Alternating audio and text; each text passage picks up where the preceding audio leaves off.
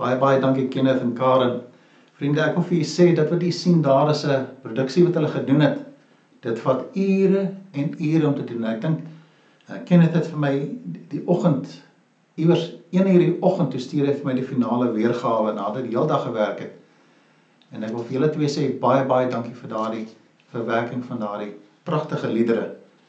En ek wil vir julle sê dat dit dit roer ons harte om te weet dat hierdie liedere kom uit julle eie harte uit. Mag die Here vir julle tweeetjies so seën. Sê ek wil vir julle twee baie baie dankie sê.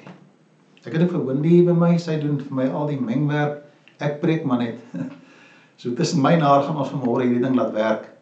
En uh vergewe ons, ons is nou uit, soos ek sê, uit 'n era uit van waar daar nie selfone en TV's en goed was nie. Nou is ons hier ingedruk in 'n saak wat vir ons so vreemd is met live streaming en kameras en goed en mengery en video en scenes en slides. Uh, kan kan nie byhou nie.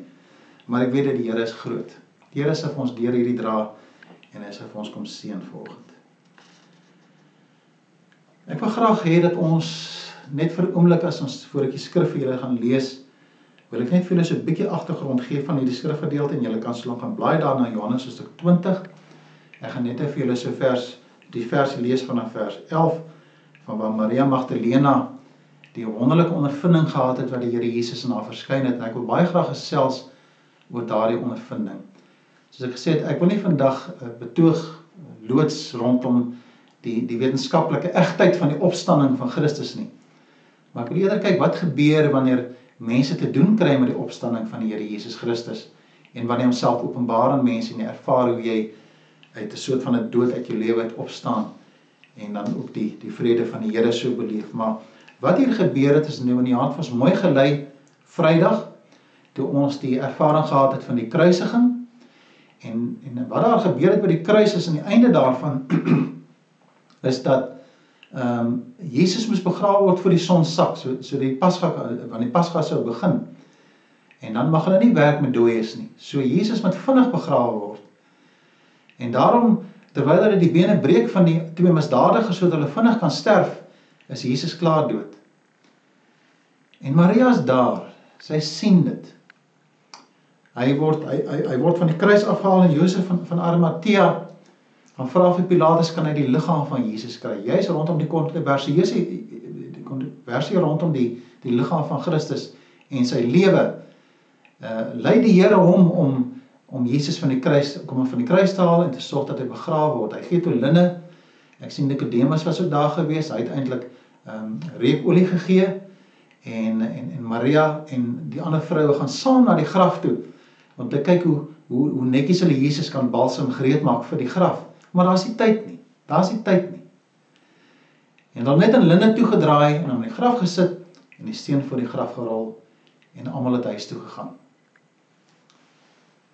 Maria en en drie ander vroue of die vrou twee ander vroue het ehm um, vroeg die eerste geleentheid wat hulle kon kry na die Sabbat het hulle na die graf toe gegaan. Nou stel jouself voor hulle kom daar en die steen is weggerol. Behalwe die skok en die teleurstelling en in in in die vraag wat het nou gebeur? Hardop sy met daardie skrik in haar na die disippels toe sy en die vroue en gaan vertel hulle wat gebeur het. Die disippels spring op en van hulle hardloop om by die graf te kom. Hulle gaan in die graf in en sien die graf is leeg teleurgesteld gaan hulle weer huis toe en jy kan lees daarvan in in Johannes 19 in vers 10 staan daar En daarna die disippels weer huis toe gegaan. Maria bly alleen agter. Die vrae in haar is nog nie geantwoord nie. Dis die laaste plek waar sy Jesus gesien het. En sy gaan sit daar 'n gebroke vrou en sy huil.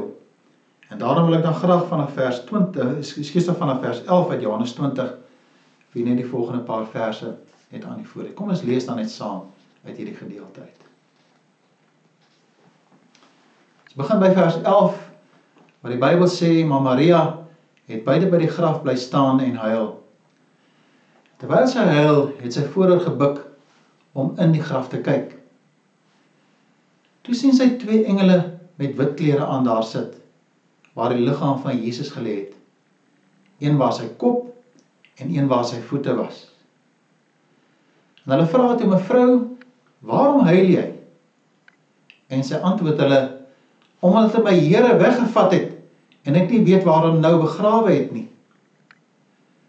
En nadat sy dit gesê het, het sy omgedraai en vir Jesus daar sien staan. Maar sy het nie geweet dat dit hy is nie. Jesus vra toe: "Mevrou, waarom huil jy? Wie soek jy?" Sy het gedink dit is die tuinopsigter en sy het vir hom gesê: "Meneer, as jy hom weggevat het, sê vir my waar hy hom begrawe het en ek sal hom daar gaan haal." Jesus het dit vra gesê: "Maria." Sy draai toe na hom toe en sê in Hebreëus vir hom: Rabboni. Dit beteken leermeester. Jesus sê toe vir haar: "Moet my nie vashou nie, want ek het nie na my Vader toe opgevaar nie. Ek het nog nie na my Vader opgevaar nie. Maar gaan na my broers toe en sê vir hulle: Ek vaar op na my Vader toe, wat ook julle Vader is, na my God, wat ook julle God is." En dan baie spesiaal vers vers 18. Maria Magdalena toe vir die disippels gaan sê ek het die Here gesien. En sy het ook vertel wat hy vir haar gesê het. Tot sover die woord van die Here. En Here maak my asseblief nou verantwoordelik vir hierdie woord. Neem vir ons terug in daardie kosbare oomblikke toe jy met Maria gepraat het. Daardie oomblik toe jy ons siele kom red het, beleef ons saam met haar die kosbare stem wat met ons praat. En roep ons by die naam En ons sê in hierdie hierdie oggend sê ons vir u Rabboni. U is die leermeester. Kom praat asseblief met ons in hierdie woord of deur die woord ook. Amen. Baie ouers wat die geleentheid het om in 'n promosieplegtigheid te sit, gradeplegtigheid te sit waar 'n kind oor 'n verhoog loop om 'n graad te ontvang dan glo ek is dit hierdie ouers alleen wat weet wat dit gekos het om daai kind so ver te kry om 'n graad te kon ontvang. Boonbehalwe die groot word van die kind, onthou jy toe hy gebore is, die gesukkel om hy slaap te kry, die kos wat hy moet eet. Later is dit, ek weet nie, dogtertjies is dalk 'n bietjie anders, maar seentjies leer mos nie. Jy moet hom huiswerk saam met hom jy moet hom dreig, jy moet hom dwing, jy moet hom beloof, jy moet vir hom jy moet hom beloftes maak. En uiteindelik skryf hulle matriek. En dan studeer hulle. Dan kan jy verstaan hierdie studente lewe is vir jou baie vreemd. Maar die kind bring aan punte huis toe en dan uiteindelik maak die kind dit na so 20 jaar se studies. 3 jaar studie doen hy in 20. En dan dan kry hy die graad en dan stap hy oor die verhoog. En dan sien jy as ouers dit in 'n ander lig. Daai kind self ervaar nie, daai jong mens ervaar nie die die wonder van die gradeplegtigheid nie. Maar jy as 'n ouer weet Wanneer ons kyk na die graf wat oopgaan, die beplanning wat God gehad het voor die grondlegging van die wêreld, toe ons gesondig het in Adam en Eva, deur die Ou Testament toe hy die verbond met hulle sluit, die wet vir hulle gee en hulle telkens die verbond breek. Die pad van sy seun Jesus Christus en hy sterf aan die kruis en jy kan dink wat alles gebeur het behalwe die foltering waardeur hy gegaan het. Die die die die die straf waardeur hy gaan, die pak slawe wat hy gekry het, selfs voor dit wanneer hy stil geword met sy Vader praat, ervaar ons iets anders hier by die graf. En ek wil vir u sê, as ek dink aan die graf van die Here Jesus Christus, dan dink ek ook aan die proses wat in my hart en lewe gebeur het van die dag toe ek begin mens raak het aan God gevra het. En so later sal ek daarna sal ek daarna verwys. En en die dag toe die Here my hart kom raak het met sy vinger my kom lewendig maak het, my laat opstaan het uit die dood uit. Moet ek vir u sê, is die opstanningsdag vir my kosbare dag en ek wil so graag hê as ons hierna kyk dat jy saam met my opgewonde sal wees oor hierdie viering van hierdie baie spesiale dag wat ons noem die opstanningsdag. Ek wil baie graag twee pilare of fundamentele waarhede wil ek net vir julle gou vasmaak om die tafel te dek vir vanoggend se bediening. En en die eerste wat ek graag aan julle wil voorhou is dat die skrif praat baie baie spesiaal oor ons sterwe en opstaan in die lewe Jesus in in in die lewe in Christus. Ons sterf saam met hom aan die kruis en ons het die voorreg as kinders van God om saam met hom uit die graf uit te stap. En daarom wil ek dan graag vir u verwys na Romeine 6.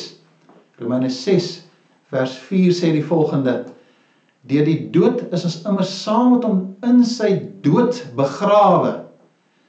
So soos Christus deur die wonderbare magstaat van die Vader uit die dood opgewek is, ons ook so 'n nuwe lewe kan lei. En dan ook in vers 5 aangesien ons uh, met hom een geword het, let wel in sy dood, sal ons ook sekerlik ook met hom een wees in sy opstanding. 'n Kosbare Bybelse waarheid wat ek graag vanmôre hierdie woord aan wil anker saam met Maria waar sy daar voor die graf sit. Die tweede anker wat ek graag aan u wil voorhou vind ons in Galasiërs 5 vers 17. En ek wil graag hê dat ons net vir 'n oomblik net stil stil saam met Galasiërs 5 vers 17. 5 vers 17 sê die volgende: Wat ons sondige natuur begeer, is in stryd met wat die Gees wil. En wat ons Gees wil is in stryd met wat ons sondige natuur begeer. Dan sê die Here in die nuwe vertaling sê hierdie twee staan lynreg teenoor mekaar. En daarom kan julle nie doen wat julle graag wil nie. Ek wil baie graag dan ook met hierdie twee fondamente en die stryd waardeur Maria gegaan het by die graf vir die sê dat die opstanding van die Here Jesus Christus is 'n stryd vir baie oor hierdie volgende rede. Boonbehalwe die Bybelse bevestiging daarvan is daar ook 'n ervaring wat ons er, wat, wat ons beleef in ons verstand. Ons wil hierdie ding verstaan. Ons wil dit verstaan. En dan is 'n hart wat in ons harte wat in ons in ons wese veg met ons en sê glo dit hoop dit vertrou dit neem dit aan as die waarheid en in my verstand aan die kant aan die ander kant sê ek kan dit nie verstaan nie. 'n mens kan mos nie lewendig word nie. As jy dood is is jy dood. En met hierdie worsteling rondom die opstanding van die Here Jesus Christus steek baie mense vas by dit wat hulle verstaan aangaande die opstanding in die Here Jesus Christus. En hulle vergeet dat iewers het ons 'n hart wat ons wil help om te ontmoet. En wanneer ons ontmoet, ons verstand en ons hart ontmoet, dan ervaar ons die opstanding van die Here Jesus Christus. Dis dan wanneer daar ook in wanneer Petrus wanneer die Here Jesus kom en in Johannes so mooi uitgespel vir ons die ander dag in die boodskap waar as die Here Jesus sy voete wil kom was, dan sê sy verstand vir hom, dit kan nie wees nie. Ek kan dit nie toelaat nie en hy stry daarteenoor totdat die Here Jesus Christus met sy hart begin praat. En sê as jy nie deel het aan hierdie was van die voete nie, het jy nie deel aan my nie. 'n Geestelike ervaring en Petrus ontdek dit in sy hart en sy verstand kom bymekaar en hy sê Here was my geheel. Toe Eva met die versoeker gestry het, was haar net 'n gestry in haar verstand. Sy wou die kennis gehad het en wanneer die Here vir haar uitdaag rondom die, die wyse waarop haar manna vir waarop haar manna verraai en hy praat met Eva wat baie is ten minste met Adam raak hom ook aan. Hy wil so graag hê Adam moet sy sonde bely en sê wat het jy nou gedoen? En dan redeneer Adam net met sy verstand en hy vergeet van sy hart en hulle mis die Here. Dis dan nou ek vertrou dat ons daar in ehm, in in Romeine, ekskuus tog Galasiërs 5:16 lees ons die volgende pragtige gedeelte en ek wil graag eens om dit aanknoop ook hieraan. Wat ek bedoel is dit in terme van hierdie stryd wat ons in harte is, Hy sê laat julle steeds deur die gees van God beheers word. Dan sê die Bybel sal julle nooit soeg vir die begeertes van julle sondige natuur nie. En dis die geheim. Mense kan kyk na die opstanding van die Here Jesus en dit probeer redeneer uit redeneer met jou verstand en al die redes en verskonings gee waarom jy God nie wil dien nie en waarom dit nie vir jou waar is nie. Jy kan toelaat dat die Heilige Gees in hierdie oomblik en hierdie dag vir jou kom oortuig want dit is slegs hy wat ons kan oortuig. Dis slegs hy wat my hart wakker maak, my gees, my siel wakker maak sodat ek die lig kan sien waartoe die Here ons roep en waartoe wil hê dat ons sy kinders moet wees. So terwyl ons kyk na hierdie gedeelte, wil ek dan graag hê dat ons gaan kyk na die ondervinding waar waarin Maria uitgedaag word. Haar verstand aanvanklik hou vir haar vas. Sy kyk na die leë graf, die feite voor haar die omstandighede waarin sy is. In ons tyd kan ons miskien sê dikwels kyk ons in die omstandighede waarin ons is, die die dinge wat skeef loop. En daar steek ons vas. En dan ontmoet sy die Here Jesus op 'n baie baie baie baie spesiale manier. En daarom wil ek dan baie graag dan ook vir u vra dat u saam met my se kyk na hierdie hierdie gedeelte waarin waarin sy gesien het en waar sy geglo het in hierdie kosbare uitdaging waartoe die Here vir haar geroep het. Ons sien dan van Maria opstaan uit die graf uit waar sy onverskrokke pelgrim raak in die naam van die Here. Sal onthou toe die Here vir haar stuur, gaan sy na die disippels toe en sy gaan vertel vir hulle ek het hom gesien. Daarna kon jy van Maria nooit stil kry nie. Ek reken sy was 'n magtige krag in die hand van ons Here Jesus Christus. Dis dan wanneer die Here vir ons sê kom staan op. Ek wil met jou praat. En so wil ek dan vir julle nooi en saam met te kyk na die eerste hoofpunt, naamlik die vraag waar die Here Jesus vir Maria vra, waarom hy leen? Ek wil graag eens net daai teks lees. Dis die dis die engele wat nou wat eers eers vir haar uitdaag. As hy as as as hulle vra is hulle sê hulle vra toe vir haar en sê mevrou, waarom huil jy? En sy antwoord hulle omdat my Here weggevat het en ek nie weet waar hom nou begrawe het nie. Weet nie waar hom nou begrawe het nie. Miskien 'n onregverdige vraag toe die engele vir haar vra, "Hoekom huil jy?" Die feit is hier voor ons. Miskien is daar iets van hoop in hierdie vraag. Miskien is daar 'n antwoord wat verslaag kan gee. Later wanneer die Here Jesus ook met haar praat, is daar so hoop dat iemand net sal sê waar die liggaam is. En vriende, dit is baie groter as net waar die liggaam is. Dit gaan oor die opstanding wat sy daarmee ontdek. Miskien in haar hart is sy geweldig ontsteld oor die onregverdigheid van sy dood. Die onregverdigheid hoe haar heiland gesterf het en nou in 'n graf geplaas is. Sy's hy's moontlik gesteel, sy liggaam is gesteel. Dit is so bitter, bitter onregverdig. Sy het gesien hoe hy sommer so oorhaastig begrawe is met net 'n linne kleed om. Drie ander vroue wat gekom het om reukolie aan te sit, is juis gegaan om te kyk of hulle kan help. Sabbat is verby, sy's daar. Ek sien myself in 'n in 'n geestesoog hoe daardie arme vrou seker die oomblik toe hy begrawe is tot die dag wat sy daar weer by die graf kom, het sy nie geslaap nie. Sy is met droefheid gevul met die angs in haar hart. En dan vra ter die Here wanneer ons so dink in die wyse waarop ons hom soek dat ons ook sal vra Here, kom help vir ons ook met die dinge wat ons so druk dat daar ook vir ons sin sal wees rondom die uitdagings in ons lewe. Nou wie was sy? Maria was 'n vrou daar in Lukas 8 vers 2 en Markus 16 vers 9. Wil ek graag net vir Lukas 8 vers 2 net voorlees. Die 12 was saam met hom en daarby 'n aantal vroue wat van bose geeste en siekes genees was.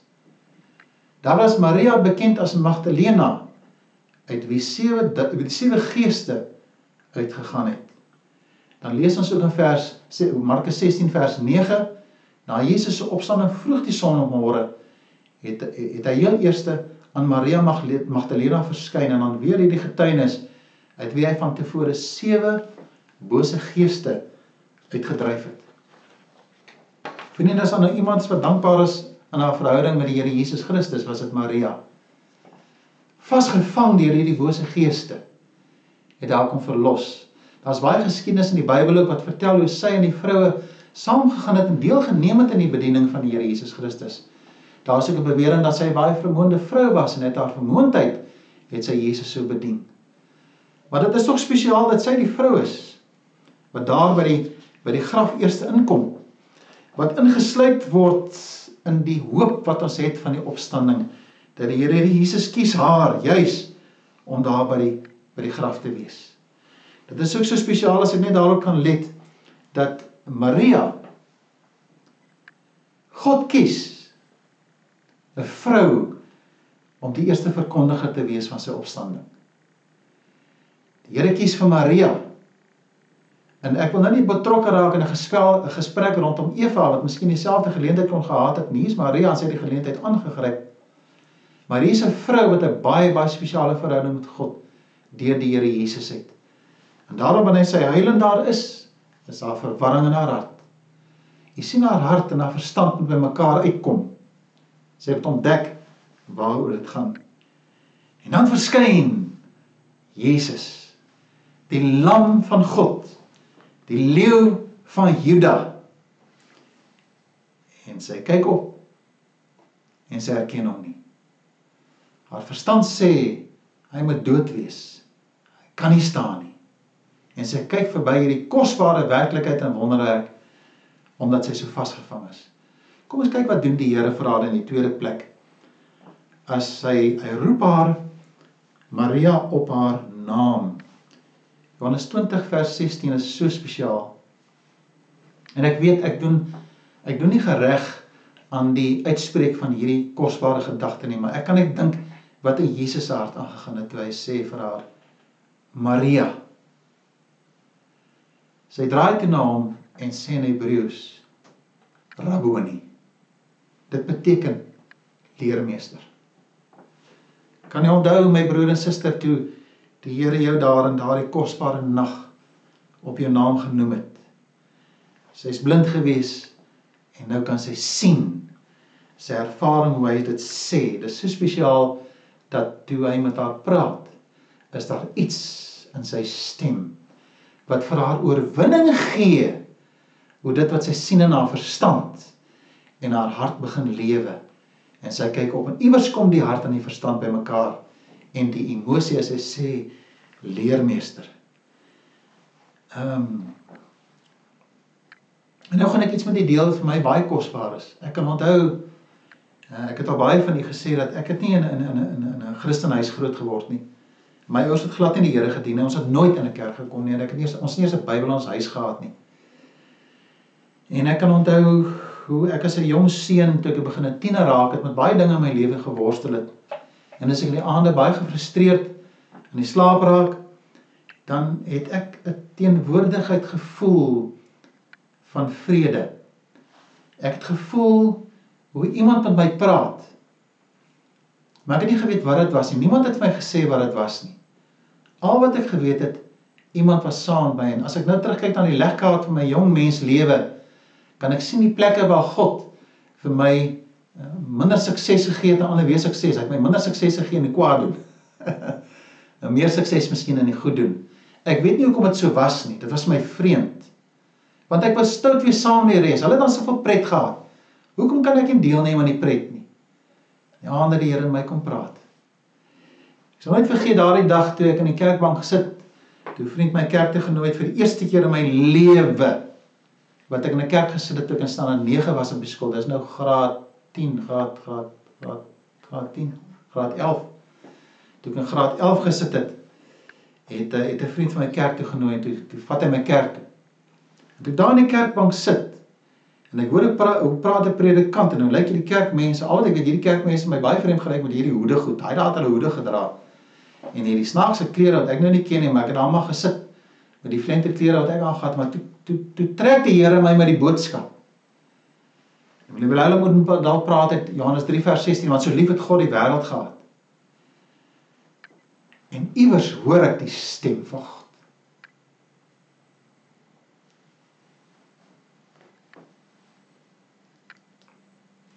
En ek hoor hy roep my op my naam.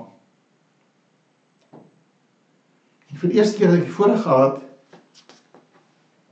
om te kon sê Rabboni. En die graf het vir my oopgegaan.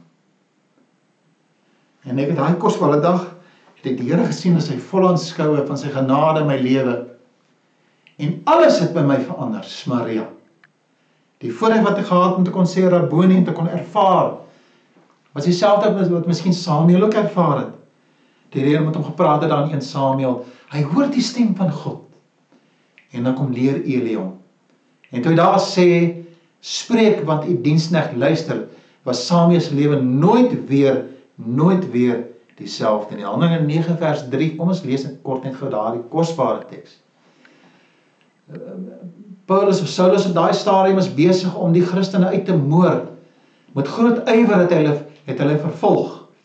En daarop het Damaskus gebad kom die Here en in 'n lig skyn in die hemel. En dan hoor hy die volgende. Hy sê ek gaan dit gou vir julle lees. Toe hy reis met naby Damaskus kom, daar skielik 'n lig uit die hemel op hom gestraal.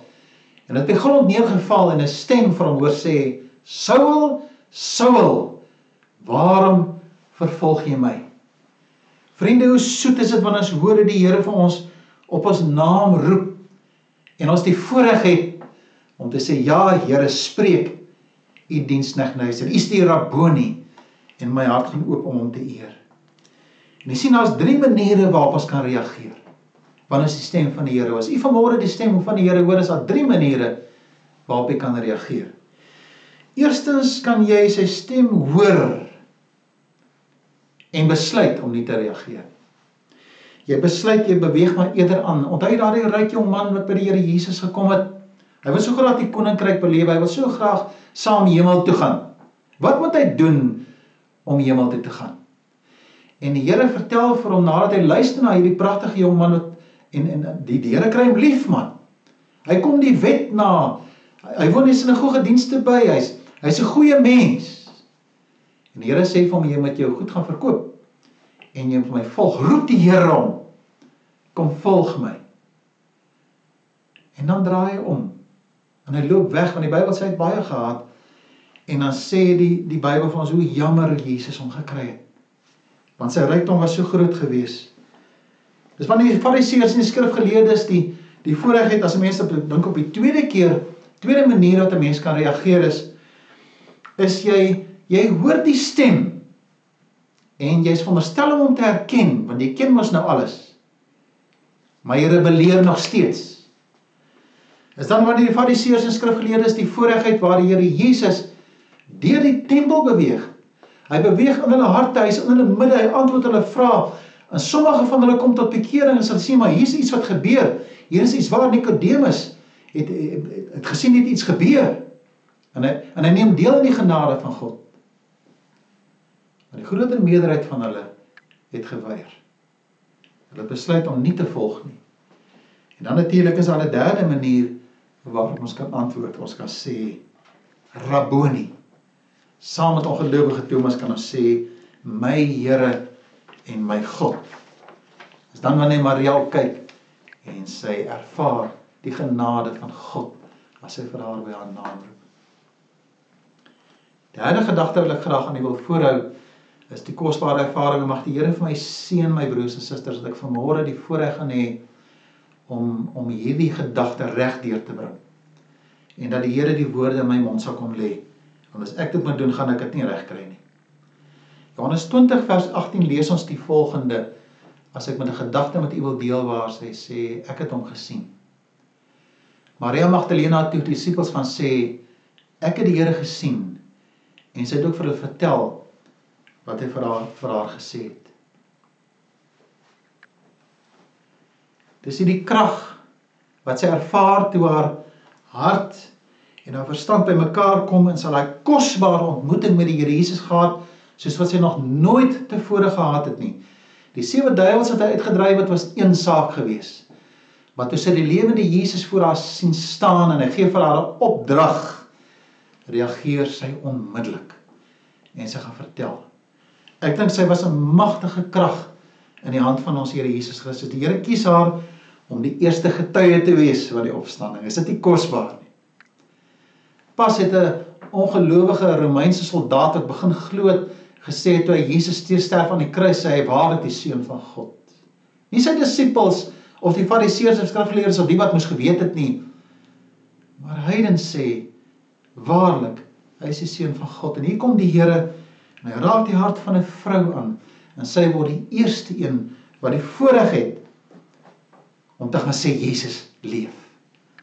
Baie van die geskiedskrywers en ek sien kommentators sien haar ook as die apostel vir die apostels. Sy het die woord van sy opstanding gaan breek aan die apostels en later het Jesus self ook aan hulle verskyn. Sy, sy spring dadelik op en gaan vertel wat gebeur het. Is dit nie ook wat gebeur het met die Emmausgangers nie? Toe hulle daar op die pad loop en Jesus langs hulle loop, onthou hy sy verheerlikte liggaam.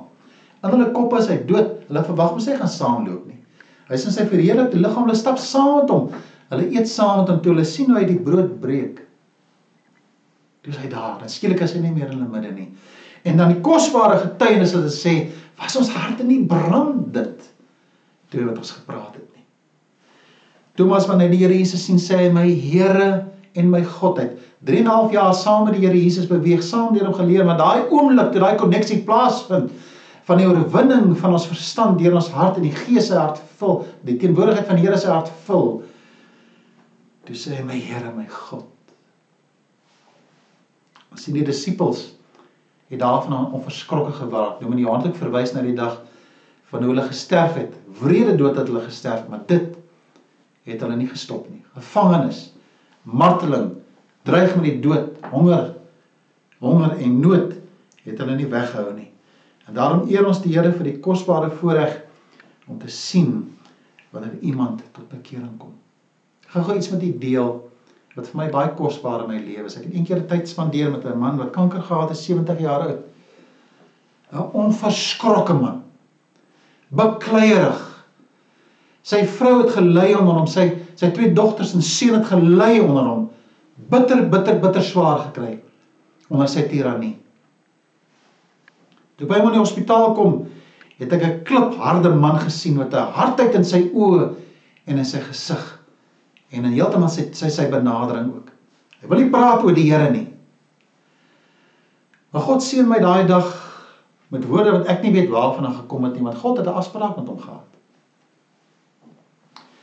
En vriende, om 'n lang storie kort te maak, die Here red daai man se siel kragdadiglik op sy sterfbed. Kragdadiglik. Op so 'n manier dat hy vir my sê, "Dominee, jy moet asseblief my help ek wil nou met my mense praat. Ek sal nie vergeet hoe ons daar in die wagkamer wag, want hulle kan hom net een een sien. Hoe ons eers die kinders instuur. En hoe hulle sit in hulle naels kou. En die vrou sit in as en ware bewe daarvan, sy weet wat 'n man is. En toe die eerste kind huilend uitkom, kon hy sien iets het gebeur. Die tweede een is ingestuur. Die derde een is ingestuur. En toe stap die vrou in. Daar by sy bed het hy van hom verskoning gevra vir die vir die harde lewe wat hy hulle gegee het. Hy het hulle gevra dat hulle hom vergewe en hulle het vrede uit vrede gemaak met almal van hulle. Een vir een. Want elkeen het hy anders hanteer. Toe hulle later uitkom later my praat en sê Dominee wat het jy gedoen? Ek sê ek het niks gedoen nie. Here man, hierdie Here gesien man. Hy het hom gesien daar op sy sterfbed. Toe raak die Here sy hart aan. 3 weke later het ons hom begrawe met 'n vrou en kinders wat vir 3 weke 'n hele leeftydse verhouding met hom kon opbou oor die wonderwerk wat God in daai oomblik in daai man se lewe gemaak het toe hy die graf uit opgestaan het en die vrede van die Here beleef het. Maria sê ek het hom gesien, daardie vuur in haar oë kon niemand blus nie. Sy was onverskrokke. Dis dieselfde wat Paulus ervaar In Handelinge 23 tot 26 wanneer hy voor groot konings, advokate, vermoënde mense as as hy praat met hulle, wil hulle graag selfs oor die dood van Jesus. Maar die oomblik wanneer hy praat oor die op opstanding van die Here Jesus uit die dood uit, is daar chaos en ellende. Uh, wat selfs as sê jy beweeg my amper om byna 'n Christen te wees, maar ongelukkig gaan dit nie werk nie. Die gewellige stryd wanneer ons praat oor die Jesus het opgestaan En dan veral, ek het hom gesien. Ek vra so dat die Here in hierdie dae vir ons as sy kinders, as gemeente, en daar waar hy sit as pa en ma, dat u sal beleef dat u Jesus sal sien soos wat hy is. Nie wat mense van jou van hom sê nie. Nie uit jou bitterheid wat jy beleef het nie, nie wat jou verstand vir jou sê nie. Maar wanneer jou hart en jou verstand kom ontmoet om te sê ek het die Here Jesus gesien en is my so kosbaar. As hy iets het wat ek vandag Bybel laat so ten slotte. Iets wat my kosbaar is wat in Romeine 6 so spesiaal is, wat ons aan julle voorgeles het, is is dat dat ons het die ervaring dat ons leef in die Here Jesus. Hy het opgestaan en daarom leef ons en daar in Johannes 14 vers 9 19 lees ons die volgende en ek wil net vra dat wanneer dit uitgou vir my sal opsit daarso. Nog net 'n klein klein rukkie dan sal julle dit werk my nie sien nie, maar julle sien omdat ek lewe en julle sal lewe. Hou net vas aan daardie teks rondom die volgende getuienis. Die liedjie wat wat uh, Kenneth hulle vir julle gaan sing is die pragtige baie bekende liedjie Because He Lives, geskryf deur deur die Guyter gesin in Gloria en Bill wat wat vertel hoe dat hulle hulle derde kind verwag het. En een oggend toe Gloria net voor die kind gebore is, het 'n vreeslike benoudheid haar hart gevul. In daardie stadium was Amerika in die 60ers was was was was gehul in in in, in rassehaat. Daar was die God is dead teologie wat op skole verkondig is en die in die Bybel sou verban word. Daar was 'n geweldige toename in die in die misbruik van dwelms wat daarmee saamgegaan het. En sy was baie benoud oor hierdie derde kind van haar wat in die lewe mis inkom.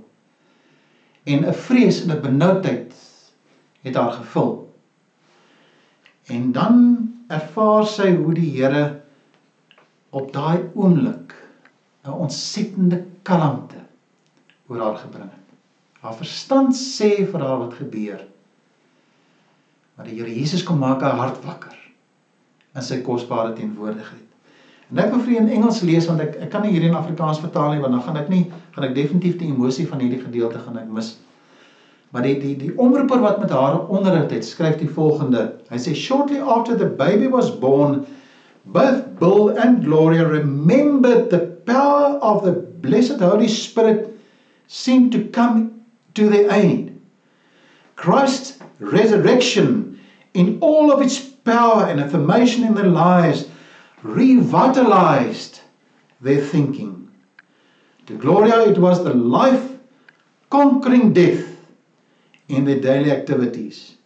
Joy once again dominated the fearful circumstances of the day.